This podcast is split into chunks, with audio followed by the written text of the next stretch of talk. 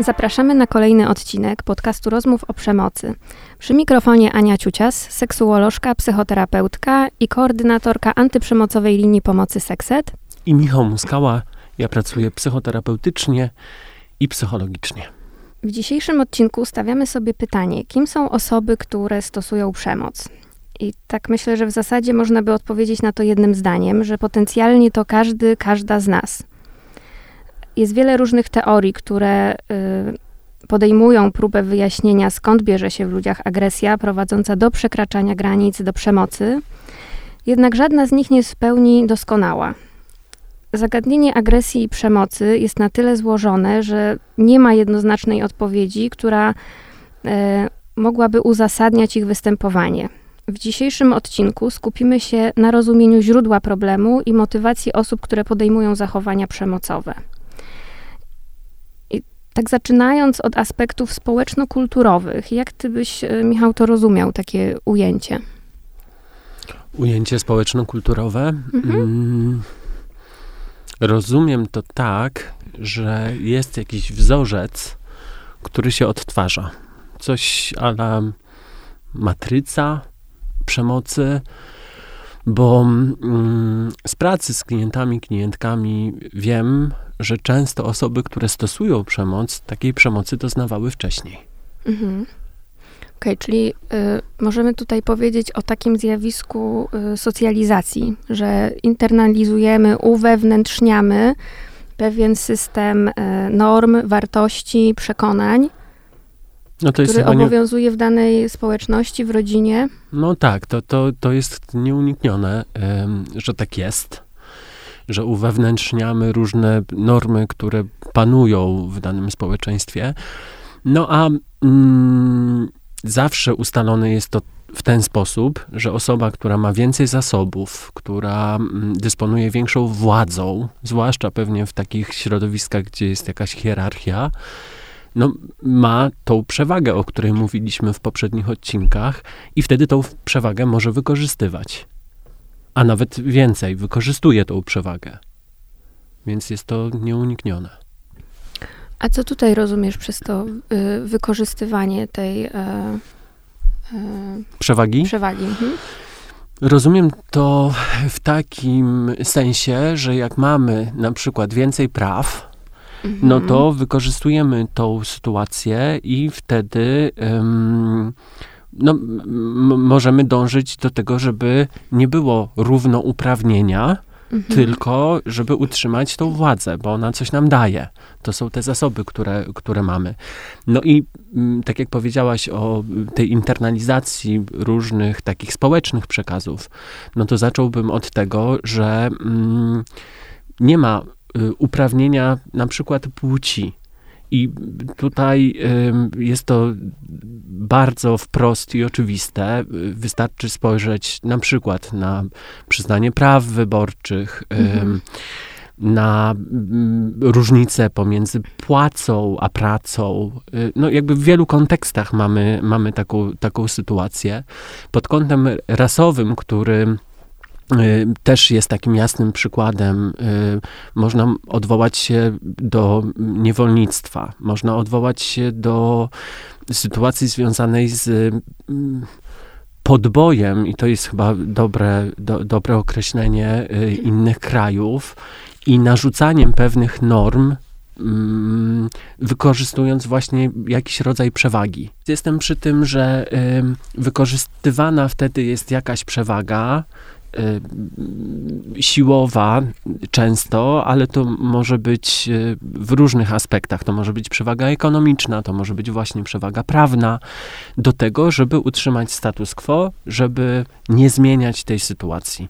Czyli już sam ten kontekst Y, powoduje, że jest pewien wzorzec, który, który się odtwarza, mhm. no i wtedy on może być wykorzystywany, jest internalizowany, no bo nie, nie, nie jesteśmy wolnymi atomami, żyjemy w społeczeństwie, obowiązują pewne normy.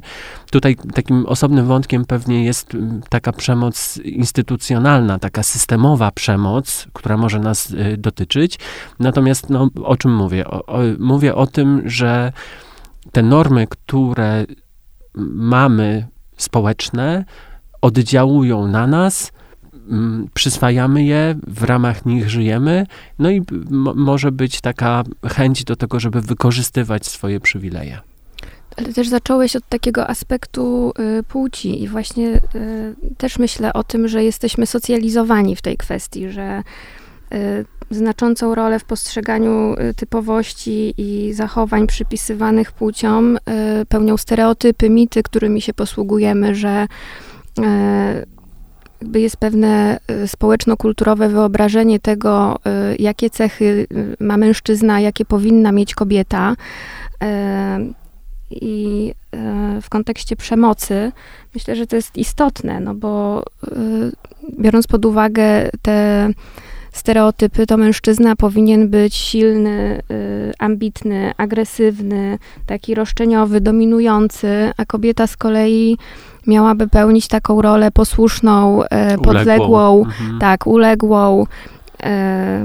Y, I to już właśnie stwarza taką nierównowagę, o czym mówiłeś, i daje przestrzeń na to, żeby do przemocy w związkach dochodziło. Jeśli przyjmujemy e, takie wyobrażenie relacji opartej e, na tych cechach, no to zakłada to y, różne prawa i możliwości, mhm. że mężczyzna jest jakiś, kobieta powinna być y, jakaś. E, no właśnie, to, a, a też... to, na co zwracam uwagę, to jest to, że to się nie bierze znikąd, mhm. że jest cała historia, która za tym stoi. Bo jeżeli mm, wcześniej nie, nie było możliwości decydowania o reprezentacji, nawet podając za przykład y, kraje demokratyczne, dlatego że kobiety nie miały możliwości głosowania. Nie kształciły się. Uniwersytety były zamknięte. Mhm. Przecież w Polsce kobiety na uniwersytetach mogą, y, mogą studiować dopiero od ponad 100 lat. Zresztą podobnie jest z prawami wyborczymi. No to, to właśnie ten kontekst historyczny to jest ten wzorzec, który jakoś napędza Y, całą tą machinę. No i to bym wymienił jako taki punkt wyjścia w tym, mhm. co się dzieje. No i to się przekłada na to, że w bliskich związkach, w rodzinach jest przemoc i tutaj znowu kolejne koło zamachowe, kolejna matryca. Osoby, które doznają przemocy, potem mogą nie mieć innych wzorców, y, mogą mieć trudność w tym, żeby poukładać sobie świat inaczej i odtwarzają to, czego same do, doświadczyły. No to mówisz o takim wzorcu patriarchalnym i przyzwoleniu na to, żeby mm, dochodziło do dyskryminacji, do uprzedzeń, wykluczeń i mimo, że nasza świadomość się y, zwiększa, że współcześnie mamy inne perspektywy na y, rolę kobiet i ich możliwości, to jednak te przekonania społeczno-kulturowe, to tło historyczne jest wciąż w nas bardzo żywe i e, na różnych płaszczyznach, nawet takich podświadomych, automatycznych, y, wybrzmiewa w różnych sytuacjach. Tak, to kwestia uprzedzeń, stereotypów, mitów, y, przekonań, tego wszystkiego, o czym też rozmawialiśmy. No, ale też taki głęboko zakorzeniony e, stosunek e, władzy, posłuszeństwa, e, silne przekonanie o tym, że o posiadaniu partnera, partnerki, osoby, z którą jesteśmy, to już nawet język też, oddaje tak. Mhm. taką zależność. Mam dziewczynę, mam chłopaka. Tak ale też y, przekonanie, że najlepszą drogą do uzyskania szacunku jest y, wzbudzanie lęku, obaw, y, takiego respektu, tak zwanego autorytetu, czyli znowu coś takiego, co jest budowane na, na nierównowadze, że tam nie ma miejsca na jakiekolwiek partnerstwo, tylko ktoś próbuje coś w kimś wzbudzać. I tak myśląc sobie o, o tle takim e, społeczno-kulturowym, rodzinnym, odnoszę wrażenie, że to jest e, dosyć popularny i powszechny wzorzec w wychowywaniu dzieci, że wychowuje się je w takim e, kulcie posłuszeństwa, grzeczności, tego, że starszych się trzeba słuchać, że jest jakiś autorytet, nie uprawomocniając potrzeb i zdania młodych ludzi. Tak, ja myślę też o takim, takiej odsłonie tego, o czym teraz powiedziałaś. mm, związanej z dawaniem prawa do wyrażania swoich emocji. Mhm. Mm, czyli na przykład y, dziecko się buntuje, y, jest złe, ale ze strony rodziców pojawia się taka chęć, żeby zablokować tą ekspresję, żeby nie dopuścić do tego, no bo przecież masz być grzeczny, masz być grzeczna. No właśnie, i to prowadzi do tłumienia tych emocji, y, z którymi no, coś trzeba zrobić, bo z emocjami, ja y, podaję taki przykład, że to jest jak e, z balonem, do którego dmuchamy powietrze, dmuchamy, dmuchamy, i w końcu on pęka, bo nie ma już więcej miejsca na to powietrze. I podobnie jest z emocjami. Jak one się kumulują, jest ich dużo i nie mają żadnego ujścia, no to też pękają. E, I myślę tutaj o tym, że e, za tym idzie brak e, umiejętności w ogóle regulowania emocji, brak umiejętności takich społecznych, w jaki sposób regulować tę złość i w jaki sposób o niej mówić, żeby to było bezpieczne i w poszanowaniu obu stron.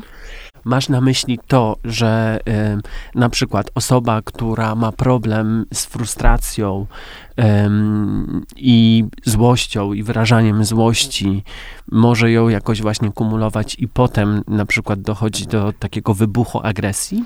Tak, że y, mm, w ogóle w efekcie agresja y, w relacjach społecznych staje się takim czynnikiem problemowym, że może prowadzić do obniżonej empatii, też braku y, współczucia, ale właśnie też przemocowych zachowań, które mogą prowadzić do odrzucenia, do poczucia w cudzysłowie porażki w relacjach, która może być frustrująca w budowaniu relacji z innymi ludźmi. Mhm.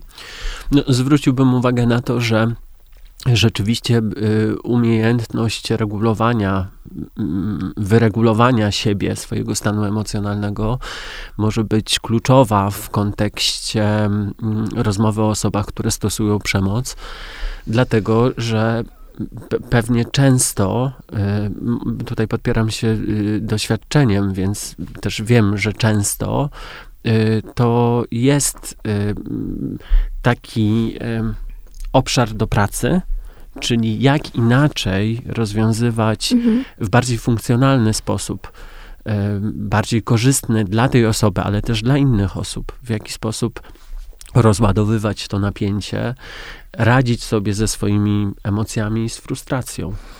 Czyli e, generalnie jak zmienić taki wzorzec i nawyk e, wyuczonych wcześniej zachowań, ale też tutaj e, myślę, że mm, skupienie polegałoby na takim błędnym interpretowaniu zjawisk, sytuacji, myślenia o tych sytuacjach, że to są takie dwa aspekty na poziomie myślenia i działania, które tworzą te nasze reakcje. E, że w taki sposób możemy e, odbierać sytuację, e, że uruchamia się taki system, że muszę się bronić albo muszę nie wiem, wyciągnąć jakieś takie działo, żeby się ochronić. Mhm, siebie ochronić albo, mhm. albo, y, bo jeszcze to mi przychodzi do głowy, albo ym, na przykład y, y, zadbać y, o coś, to znaczy, mhm. że, że w odpowiedzi jak najbardziej te przekonania, różne interpretacje się uruchamiają, ale czasem tam jest, jeszcze jest takie sprawstwo, że dla dobra kogoś mhm. ja wyjmę tak. te działa i, i, i zadziałam, dlatego mhm. żeby, no właśnie, jakoś zaopiekować tą sytuację tak, jak ja bym chciał, nie mhm. słuchając innych osób, nie pytając, czy ta osoba będzie chciała takich rozwiązań, mhm. tylko ja daję sobie prawo do tego, żeby decydować o innej osobie. No i właśnie tu myślę sobie pod kątem y, tego tła społeczno-kulturowego, tych wzorców, że to mogłoby mówić o niskim, niskich kompetencjach y, społecznych, niskich kompetencjach intymnych, y, w radzeniu sobie, ale też o obniżonym poczuciu własnej wartości, że osoba wiem, decyduje się na pewne zachowania, uważa je za konieczne, żeby móc sobie y, poradzić, nie uwzględniając innych możliwości i swoich zasobów do tego, żeby y, reagować w inny sposób. No, w taki ja myślę, sposób że... nie raniący kogoś. Tak, I ja to myślę jest o też, tych niskich czasem... kompetencjach właśnie. Tak, że, że, że czasem w ogóle nie ma dostępu do innych, do innych wzorców, że właśnie jest odtwarzany jakiś łańcuch przemocy. No i właśnie pracą pomocową czy pracą interwencyjną, to co można zrobić, no to próbować wpływać na tą osobę, która przemoc stosuje, która wykorzystuje swoją mhm. prze, przewagę, przekracza granice innych osób, powodując ból i cierpienie, do tego, żeby no, za, zatrzymać to, y, mm, odwołać się do prawa, odwołać się do y, budowania też rozumienia w tej osobie tego, co ma miejsce że forsowana jest jakaś jedna perspektywa, która może nie, nie, być dobra, a w przemocy tak jest, że, że nie jest korzystna dla innych osób. To jest przekraczająca normy społeczne.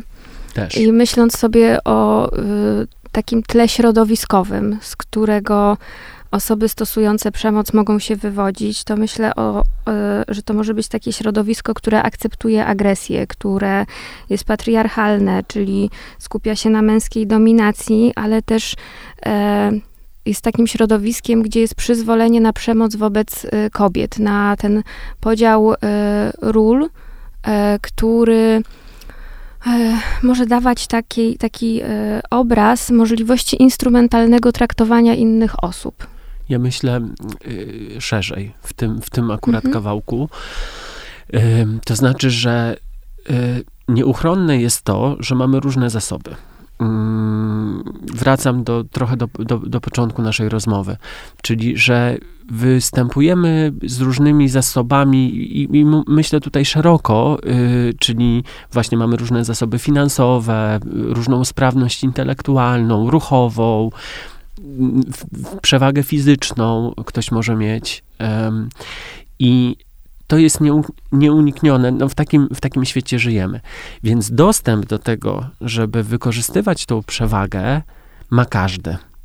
Przy czym to, co powiedziałaś, to, że są środowiska, są systemy też społeczne, e, w których ta przewaga jest częściej wykorzystywana w taki instrumentalny sposób, żeby podporządkować inne osoby.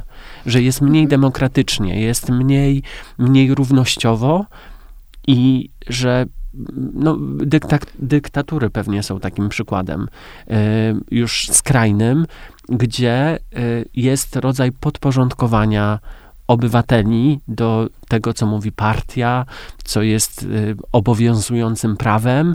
Natomiast, no, jak wiemy, y, często mm, te osoby, które są u szczytu władzy, mają zupełnie inne przywileje. No, stąd to powiedzenie, że ryba psuje się od głowy. No co do tego mamy pełną zgodność. Tutaj skupiamy się na różnych czynnikach, które mogą być źródłem E, tego, że e, ludzie stosują przemoc. I, I to jest jeden z aspektów, takie tło e, dotyczące wychowania rodziny, ale oczywiście nie tylko w takich sytuacjach ludzie mm, decydują się stosować przemoc i nie wszystkie osoby, które były w ten sposób wychowywane, stosują mhm. przemoc. To więc to jest bardzo, bardzo niejednolite i, i niejednoznaczne, więc w sumie dobrze, że to zaznaczasz, bo to nie jest taki zero-jedynkowy y, wzorzec rozumienia i myślenia o tym.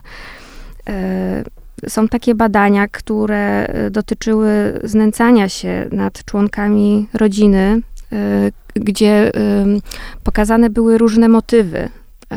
I te motywy mogą być bardzo różne. To idąc w pokłosiu tej socjalizacji, to, to może być chęć podporządkowania, upokorzenia, czy y, zadania cierpienia, e, ale to mogą być też kwestie takie zupełnie obronne, czy e, kwestie dotyczące rozładowywania emocji, czynniki ekonomiczne. I te motywy przemocy w bliskich związkach to przede wszystkim utrzymywanie przewagi, uzyskanie możliwości wywierania wpływu, kontrola. I to tutaj też działa w obie strony bez względu na płeć. No tak, to co. Mm jeden z mechanizmów, o którym już y, rozmawialiśmy, y, co działa w takich sytuacjach, to jest tak zwane pranie mózgu. czyli wpływanie na przekonania innej osoby, takie systematyczne, takie długotrwające często, e, które może prowadzić też do izolacji i do takiego mhm. zastanawiania się, czy ze mną wszystko jest w porządku. To może ja jestem winna, to ja jestem winien tego, co się dzieje w moim związku, to, że ktoś e, ma tak zwany krótki ląd, odpala się e, ze swoją agresją, powoduje krzywdę, no a może to jest moja wina. Mhm. To tutaj zwracasz uwagę na, tak rozumiem, e, to, czego mogą doświadczać osoby, które doznają tej przemocy, że szukają e, odpowiedzialności i winy w sobie, a kierując optykę na te osoby, które stosują przemoc, no właśnie tu może być podobnie w takim względzie, e, że te osoby mogą jakby myśleć o tym, że te ich intencje są dobre, że e, nie zawsze to są cele takie, powiedziałabym w cudzysłowie, negatywne, e, tylko że to jest dla czyjegoś dobra. No tak, że, że intencją nie jest to, żeby wyrządzić krzywdę, tylko y, za tym stoją też pewne potrzeby. Mhm. I potrzeby zawsze są dobre mam po, potrzebę, nie wiem, spokoju, yy, yy, po, potrzebę bezpieczeństwa, chcę jakoś mhm. zadbać o swoją potrzebę. Natomiast sposób realizacji tych potrzeb, on może być przekraczający granice innych osób i tutaj wtedy zaczyna się problem. Tutaj zaczyna się stosowanie przemocy. Że to jest istotne, by umieć odróżnić takie impulsy seksualne od agresywnych. Y, one mogą być podobne na poziomie odczuwania w ciele, ale to nie jest to samo. Y, I w związku z y, taką umiejętnością rozpoznawania tych impulsów, uczyć młodych ludzi, dzieci tego, jak kontrolować swoje zachowanie przez adaptacyjne zachowania. Na przykład y, mówiąc o tym, że nie używamy siły lub zastraszania, nie wymuszamy y, na kimś na przykład bliskości w żaden sposób, że nie poniżamy innych osób, ale na przykład też to, że dobieramy wiek osoby, z którą na przykład podejmujemy aktywności seksualne, adekwatnie do, do swojego wieku. Mhm. No, nasza wolność kończy się tam, gdzie zaczyna się wolność drugiego człowieka.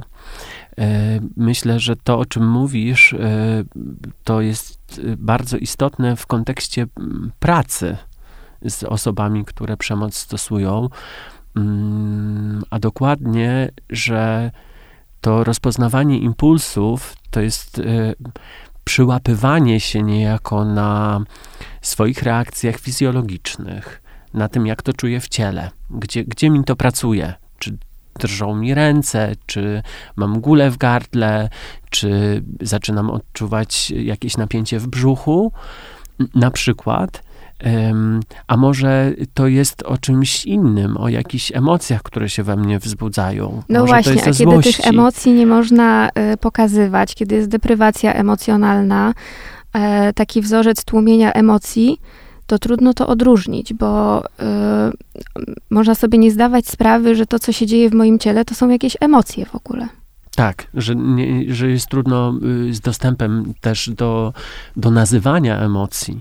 I, I że właśnie jednym z tych celów y, takich terapeutycznych może być to, żeby te potrzeby w sobie i te impulsy, o których powiedziałaś, rozpoznawać że, że to może być punkt wyjścia, takie rozumienie tego, co się ze mną dzieje, do tego, żeby w ogóle zadziałać. Żeby mieć jakąś refleksję, żeby właśnie przyłapywać się na tych sytuacjach, które no, są jakoś warunkowane często czynnikami zewnętrznymi, ale również wewnętrznymi, bo to mogą być interpretacje danych mhm. sytuacji i właśnie te przekonania na temat tego, jak ma być zorganizowany świat, w którym chcę żyć, y, które prowadzą do tego, że idzie w zachowanie, które jest przekraczające wolność innych osób, naruszające granice, bardzo depczące godność. Hmm. Ja tak sobie myślę e, jeszcze dalej w kontekście tych czynników o, e, o mm, takiej roli doświadczenia traumy wczesnodziecięcej, doświadczenia przemocy e, w dzieciństwie, w okresie dorastania.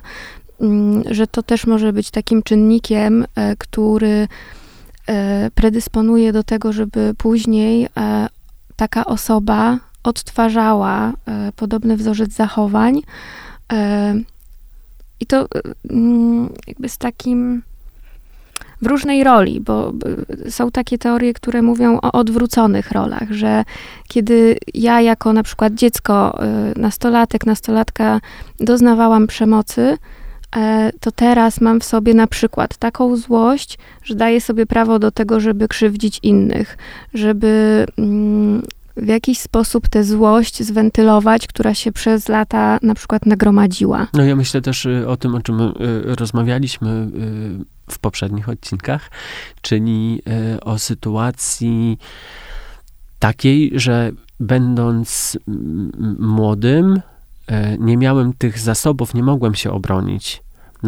natomiast teraz mam takie zasoby, które pozwalają mi wymagać od innych, no właśnie, jakiś rodzaj przewagi pojawia się i no, bardziej uświadomione albo mniej to jest, ale to, co powiedziałaś, daje sobie prawo do tego, żeby y, reagować inaczej. Czyli, że wtedy nie było tego sprawstwa, a teraz wykorzystuje te swoje przewagi i to sprawstwo, żeby podporządkować innych sobie. Mhm.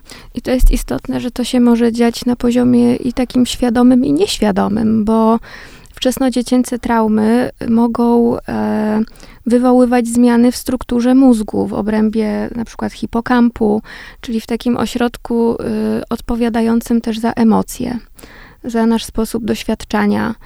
E, może być to, no i, i wtedy to, to nie dzieje się tak, że ja świadomie daję sobie takie prawo, że myślę o tym, tylko y, wynika to z pewnych deficytów na poziomie y, struktur mózgu. E, bo trauma może mieć taki wpływ, że zmienia nasz układ i neuronalny, i hormonalny.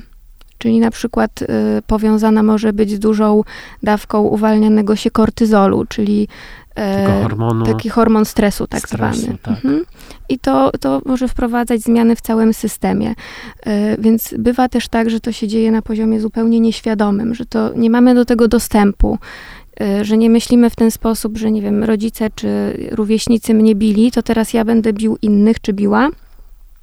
Tylko czasami to jest na poziomie impulsów, e, które mogą być niezrozumiałe. I mhm. wtedy takie wsparcie, na przykład terapeutyczne, psychologiczne, jest bardzo pomocne, żeby móc to zrozumieć i e, stworzyć inny wzorzec możliwości radzenia sobie który byłby bardziej adaptacyjny i dla tej osoby, która być może w gruncie rzeczy cierpi z tego powodu, że to wcale nie jest tak, że chce w ten sposób się zachowywać, ale nie umie inaczej. Mhm. No, te potrzeby osób, y, które stosują przemoc, one są takie same. One nie, nie, nie różnią się y, od potrzeb innych osób, które przemocy nie stosują. Natomiast sposoby zaspokajania tych potrzeb są krzywdzące dla innych. To, to co poruszasz, to od razu idzie mi myślenie po tym, co usłyszałem, w to, y, jak wygląda pomoc osobom, które mhm. stosują przemoc. Że prócz tego poznania potrzeb, rozpoznawania impulsów, o których rozmawialiśmy, tam może być potrzebne sformułowanie pewnych celów tak.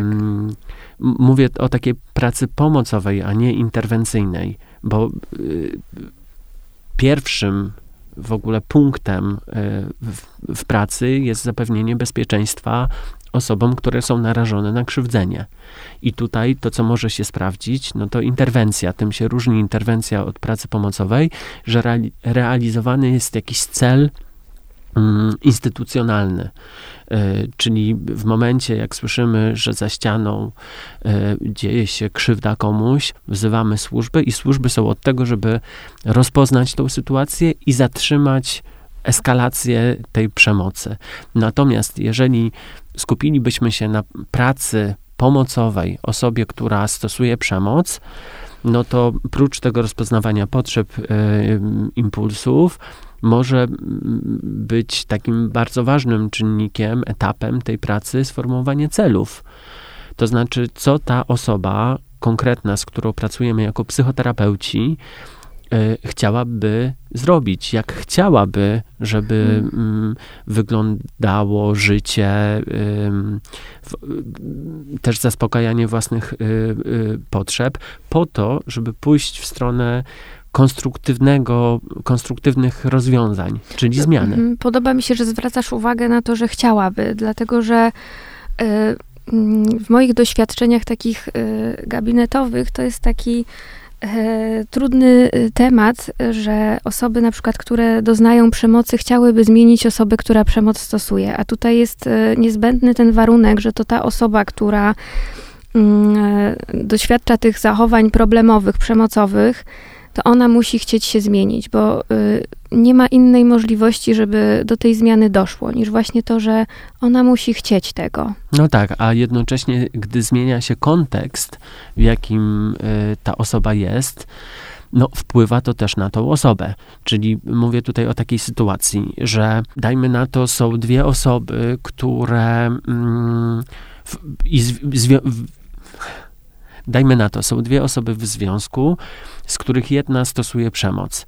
I w momencie, jak ta druga osoba y, mówi, no ja się z tego wypisuję, ja nie chcę takiego związku dla siebie, wyprowadza się. Mm, no to zmienia się ten kontekst sytuacyjny, pojawiają się pewne konsekwencje. Mhm. Ja nie mówię tutaj o tym, że mm, w każdej sytuacji to jest możliwe, że y, bardzo też upraszczający jest ten przykład, który podałem, bo czynników oczywiście sytuacyjnych jest dużo. Mogą być dzieci, mogą być kwestie mhm. ekonomiczne. To jest pewien, pe, pewien uproszczony model, ale chcę zauważyć, że w momencie, jak zmienia się system, to wpływa to również na osobę, która stosuje przemoc. I czasem te konsekwencje są potrzebne do tego, żeby ta osoba zmieniła czy żeby pojawiła się chęć y, do tego, żeby zmienić swoje zachowanie, a czasem nie ma tej chęci, no i mm, wtedy to ma jakieś też swoje konsekwencje. No właśnie, więc to tak może być, ale może też tak nie być, że konsekwencje motywują do zmiany, mhm. że wybijają z pewnego rodzaju, nie wiem, takiego transu, utorowanego sposobu myślenia, działania, E, że, że coś się takiego dzieje. Albo właśnie codzienności, bo, mhm. bo trans to brzmi tak, tak. E, że, że, że, że mm, jesteśmy w jakimś rodzaju tunelu. Mhm. E, ja to słyszę w ten sposób, co mówisz, że jest pewna codzienność, jesteśmy do czegoś przyzwyczajeni i trudno pomyśleć o tym, że może być inaczej. Że tak, wydaje no się, że karty zostały rozdane. Takie tunelowe właśnie myślenie. To, to miałam na myśli pod pojęciem tego transu, że Y, zawężamy się do jakiejś rutyny, do jakiegoś sposobu funkcjonowania, działania, y, czyli do codzienności systemu, który funkcjonuje w taki, a nie inny sposób. Y, I kiedy dzieje się tak, że ten system się rozbija, no to wtedy to może wybić z tego toru. To tak, tak jak jedzie kolejka i się wykoleja. Tak, no właśnie to, na co zwracasz uwagę, to też fakt, że y, często to, co może spowodować, że sytuacja przełamie się, że będzie inaczej, że pojawi się zmiana, no to jest kryzys sytuacyjny. Mhm. To znaczy, trudno sobie wyobrazić, żeby miało być inaczej, jeżeli coś jest jakoś ustawione i myślimy o zmianie, no to zwykle to jest związane z kryzysem sytuacyjnym po którym można myśleć o tym, żeby jakoś poukładać to w inny sposób. Czyli znowu to jest taka sytuacja, gdzie ktoś doświadcza konsekwencji, gdzie dotychczasowe sposoby radzenia sobie przestały działać, mhm. czyli e, moje zachowania przemocowe już nie są skuteczne, e, nie osiągam swojego celu, tracę. Mhm. Mm, I to może powodować kryzys, no bo coś nagle e, dzieje się inaczej pod tym względem, że nie mam możliwości zaspokajania swoich potrzeb, na które zwróciłeś uwagę. Mhm. I to jest ogromna szansa, taki kryzys, bo e, daje możliwość zmiany tych zachowań.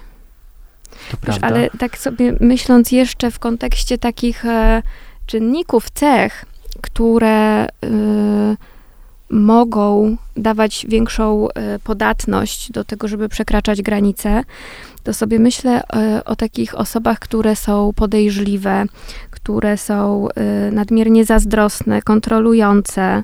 Zaborcze. Zaborcze, które mają w sobie taką chęć myśliwości, zemsty, które doświadczają przykrego poczucia samotności, które e, noszą w sobie e, pokłady, takie nadmiarowe pokłady lęku, złości. To są takie czynniki, które mogą zwiększać podatność na, na tego typu zachowania. Czyli y, tutaj mm, do tego bym dodał taki komentarz, że y, mam wrażenie, że rozmawialiśmy o takiej sferze zachowań wcześniej, mhm. tego, że są jakieś utorowane drogi radzenia sobie z, z pewnymi sprawami, a teraz rzucasz światło na taki aspekt bardziej Sposobów związany, myślenia, emocjo- tak, tak, emocjonalny. emocji. Mhm. mhm. W tym kontekście myślę o w ogóle takim podejściu instrumentalnym, takim nadmiernie w cudzysłowie pragmatycznym, że e, na przykład to są osoby, które opierają e, relacje na e, przydatności, na tym, że mogą coś zyskać, że mogą coś osiągnąć. Mm, też myślę o kontekście używania substancji, czy to alkoholu, czy narkotyków, e, że to też może e, zwiększać takie ryzyko rozhamowania, tak bym to ujęła. Tak, to że tutaj... przestajemy się kontrolować w taki sposób, który byłby jeszcze normatywny, adaptacyjny. Mhm. To ważne, co mówisz, e, bo mm, dodałbym do tego fakt, że nie sam alkohol, czy jakieś mhm. używki, substancje psychoaktywne są odpowiedzialne za przemoc. Bo Jasne. może pojawiać się taka myśl, że gdyby tylko nie pił, gdyby tylko nie piła, no to byłoby super. Dlatego, że jak nie pije, no to wtedy jest taka kochana, wtedy się częściej przytula, wtedy mm, robi y, zakupy, y, jeździ z dziećmi na basen. Mój mąż, mój chłopak, mhm. jakby no w, tak, różnych, w tak. różnych konfiguracjach, ale to jest przeniesienie takiej odpowiedzialności za to, co się dzieje, za przemoc, która występuje, na substancje. Tak, to jest taki sposób y, zaprzeczenia, racjonalizacji, że szukam powodów y, w innym miejscu. Nie w tym, że ktoś ma jakąś intencję, tylko w substancji. Tylko, że to, no co ta że... substancja powoduje, to po prostu w cudzysłowie zwalnia taką y, blokadę kontroli na poziomie mózgu. I, i to o to chodzi, ale to dalej e, są zachowania tej, tej osoby. No to jest tak. taki czynnik, który e, może sprzyjać. Tak. Y, y, myślę tutaj o takiej bezsilności i bezradności. Odwołam się do pewnej metafory, chcąc zilustrować to, o czym mówisz, i odwołam się do bezradności i bezsilności. Myślę o takiej sytuacji, że y, mamy pole grawitacyjne i jeżeli będę chciał wyskoczyć z wysokiego piętra jakiegoś budynku, to raczej nie zatrzymam się na pierwszym piętrze. Mhm. E, I jestem bezradny wobec pola grawitacyjnego. Grawitacja mnie pokonuje, ma no nade tak, mną przewagę. I bywamy bezradni wobec substancji. Tak, ale jednocześnie y, nie jestem bezsilny. To znaczy, mm. mogę nie skakać. Mm-hmm. Mogę, y, mogę nie iść w taką stronę, mogę szukać innych sposobów, żeby znaleźć się na dole, jeżeli tego budynku, jeżeli na tym by mi zale, zależało. No i y, oczywiście, mówiąc o używaniu substancji, y, warto mówić również o uzależnieniu i o tym, że kontrola w przyjmowaniu y, substancji może tak bardzo się upośledzić, że dana osoba osoba będzie miała olbrzymi kłopot, żeby zauważyć swoją sprawczość i wpływ. Mhm. Natomiast to, co można wtedy zrobić, no to znowu zadbać o tą sferę, sferę używania mm, mm substancji, e, zwrócić się do specjalistów, szukać innych sposobów, no bo wydaje się, że to rozhamowanie, które może się pojawić, wpływa tak bardzo y, i na tą osobę, i na inne osoby w otoczeniu, że no, czasem, czasem to jest jedyna możliwość do tego, żeby utrzymać jakiś system. Mhm, relacje. Ja sobie myślę też o ujęciu takiego błędnego koła w tym kontekście, że um, czasami e, ludzie e, postrzegamy my e, substancje jako sposób radzenia sobie, że sięgamy po alkohol czy narkotyki, dlatego że jest nam trudno, że relacje się sypią, że sobie nie radzimy. Jako z taką intencją, żeby mniej cierpieć, żeby sobie z czymś poradzić, a ostatecznie to napędza jeszcze bardziej system strat, i zachowań, które mogą być przekraczające i może wzmacniać po prostu te zachowania. A używając substancji może być tak, że po prostu nie pamiętamy, że się w jakiś sposób e, zachowaliśmy i chcąc radzić sobie, dopuszczamy się y, jeszcze bardziej, jeszcze więcej, intensywniej tych zachowań, których nie chcemy i z którymi próbujemy sobie radzić za pomocą substancji. I powstaje takie błędne koło, które napędza i cierpienie, i nieadaptacyjne sposoby radzenia sobie, ale też koszty te relacyjne, środowiskowe, ale indywidualne również. Mhm. Zwracasz uwagę na to, że y, ważne może być rozpoznanie, co jest przyczyną, a co skutkiem. Mhm. Że y, są osoby, które będą traktować używkę jako sposób, w cudzysłowie, samoleczenia, pomocy sobie, ale czasem no, alkohol czy narkotyki mogą być przyczyną tego uzależnienie może być przyczyną tego, że y, idzie w taki schemat, który jest trudny, w którym dochodzi do, do różnych przekroczeń.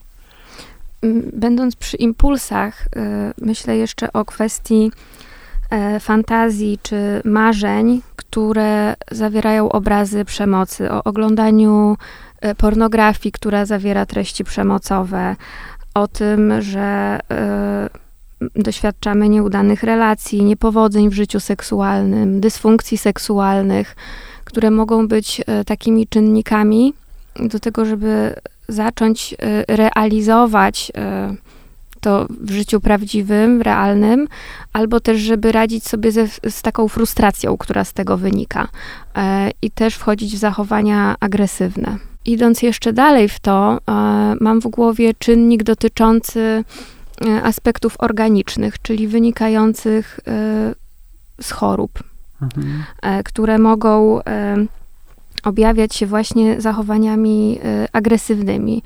I mam na myśli na przykład wczesne objawy zespołu choroby Alzheimera, encefalopatię czy uszkodzenia urazy mózgu, zwłaszcza w, takiej, w tej części czołowej, kiła czy nadmiar testosteronu, nieprawidłowo y, metabolizowane neuroprzekaźniki dopaminy, y, czy uszkodzenia w obrębie y, ośrodkowego układu nerwowego, że to mogą być aspekty organiczne, nie wynikające z intencji czy motywacji, a jednak przejawiające się w zachowaniach przemocowych.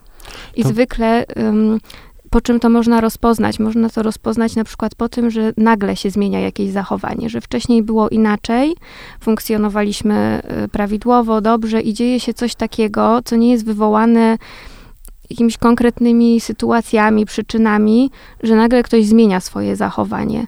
E, I, I, to może być taki sygnał do tego, żeby sprawdzić, co się dzieje po prostu organicznie w naszym ciele. Mhm. Bardzo istotna kwestia w kontekście y, rozpoznania tego, z czym mamy do czynienia. Y, jak ważne może być to, żeby przy takiej diagnozie sytuacji były inne osoby. W kontekście organicznych zaburzeń może być to lekarz psychiatra, Neurolog. E, neurolog, mhm. tak, ale że y, czasem y, wydaje się, że umiemy połączyć wszystkie kropki, a wcale tak nie musi być, bo tam mogą grać czynniki, takie czynniki role, o których nie mamy pojęcia, nie mamy wystarczającej wiedzy, żeby je zauważyć. W kontekście mm, przechodząc jeszcze do, do y, pomocy osobom, które mm, stosują przemoc. Mm, jeżeli pojawia się taka chęć, y, to można o tym rozmawiać. E, można rozmawiać również w antyprzemocowej linii Sekset na ten temat. Natomiast y, szukanie wsparcia może być no, bardzo ważne i to, na czym mi teraz zależy, żeby podkreślić, że takie wsparcie jest organizowane, że do niego jest dostęp. To są programy korekcyjno-edukacyjne. W takim innym wydaniu to mogą być szkolenia typu trening za, y, zastępowania agresji na przykład.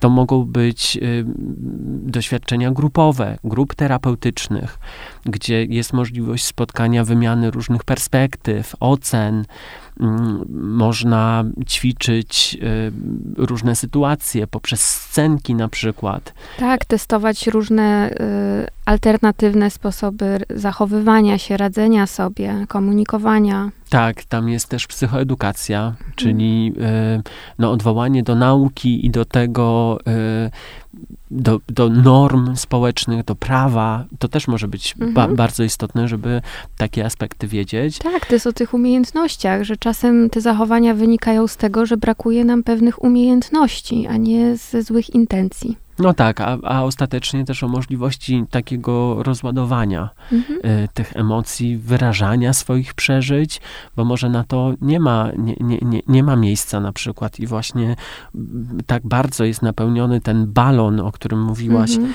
y, emocji, że potrzeba ujścia. Tak, w ogóle z tymi emocjami to też jest ciekawe, bo nawet y, w środowisku terapeutycznym mówimy o tym, żeby uczyć się regulować emocje. Tylko co to znaczy? Mhm. To jest takie bardzo ogólne pojęcie, ale co to jest w ogóle to regulowanie emocji? Za tym może stać szereg różnych e, możliwości, e, które trzeba jakoś zdefiniować, bo łatwo jest powiedzieć regulować, tylko co ja mam zrobić? No tak. E, myślę, że punktem wyjścia jest w ogóle rozpoznawanie emocji, mhm. rozpoznawanie swojego stanu emocjonalnego E, który wymaga regulacji. Pewnie będziemy mówić, czy mówisz o, o emocjach, które są przeżywane jako nieprzyjemne e, takie jak złość, takie jak lęk, lęk takie jak smutek. Mhm. Tak. Mm, punktem wyjścia jest rozpoznanie, ale mega istotne może być, żeby rzeczywiście mm, zwrócić się do kogoś, E, z tym e, tematem, żeby wyjąć tą kwestię, no i próbować radzić sobie w inny sposób. A jeszcze krok wcześniej, to powiedziałabym, że to wymaga takiej uważności na siebie, żeby w ogóle móc dostrzec, że są we mnie jakieś emocje, e, że to może wymagać zatrzymania się, bo czasem, kiedy jesteśmy w pędzie, e, kiedy jesteśmy zafiksowani na coś, to nie ma możliwości w ogóle, żeby te, dostrzec pewne rzeczy, choćby właśnie te emocje czy nasze myśli, które e, torują zachowanie. No i że też y, właśnie ta baza y, może być bardzo różna i że y, może pójść na przykład w takim kierunku, że ktoś odczuwa lęk, a nie chcąc być w tym lęku, złości pokazuje, y, y, złości się i właśnie pokazuje jakiś rodzaj swojej siły, chcąc być sprawczym. Albo dewaluacji. Czyli tak, takie, no też siły. Y, wysuwa takie kolce, nie zbliżaj się. Tak. I wtedy, no tutaj to nie jest tak, że jakieś emocje są złe albo dobre. Wszystkie Jasne, są wszystkie bardzo są ważnymi dobre. sygnałami. Gdyby e- nie emocje, to y, byśmy tutaj nie siedzieli i nie przetrwali chyba. Bo gdyby nie lęk, to y, wyobrażam sobie, że pierwotni ludzie mogliby być zjedzeni przez zwierzęta. No tak. Więc y, ja zawsze mówię o tym, żebyśmy doceniali emocje, że one są ważne. To są nasze takie życiowe drogowskazy. I miałam, mam jeszcze taką myśl w odpowiedzi na to, co wcześniej mówiłeś, że e, zmiana jest zawsze możliwa, kiedy my jej chcemy. Te konsekwencje, które czasem się pojawiają, dotkliwe czasem konsekwencje prawne, y, areszty, y, nakaz opuszczenia miejsca zamieszkania, to są konsekwencje rozpoznania przez służby tego, co się dzieje które też mogą, no, na pewno powodują kryzys sytuacyjny, natomiast mogą spowodować, że pojawi się ta chęć, żeby działać inaczej. Hmm. Tak domykając chyba już e, naszą dzisiejszą rozmowę, mm, mam taką refleksję, że nie ma jednego konkretnego profilu e, osoby, która stosuje przemoc, że e, każdy, każda z nas może być taką osobą, że różne czynniki na to wpływają, różne są tego źródła i różne mamy motywacje. Więc nie, nie istnieje coś takiego jak jednoznaczny profil takiej osoby. Jeśli doświadczasz przemocy lub masz wątpliwości, czy to, czego doświadczasz, jest przemocą, możesz skontaktować się z antyprzemocową linią pomocy Sekset 720 720 020, czynną od poniedziałku do piątku w godzinach od 16 do 20. Jeśli jesteś w sytuacji zagrożenia swojego bezpieczeństwa lub życia, zadzwoń pod numer alarmowy 112. Do usłyszenia w kolejnym odcinku. Dziękuję Ania za rozmowę.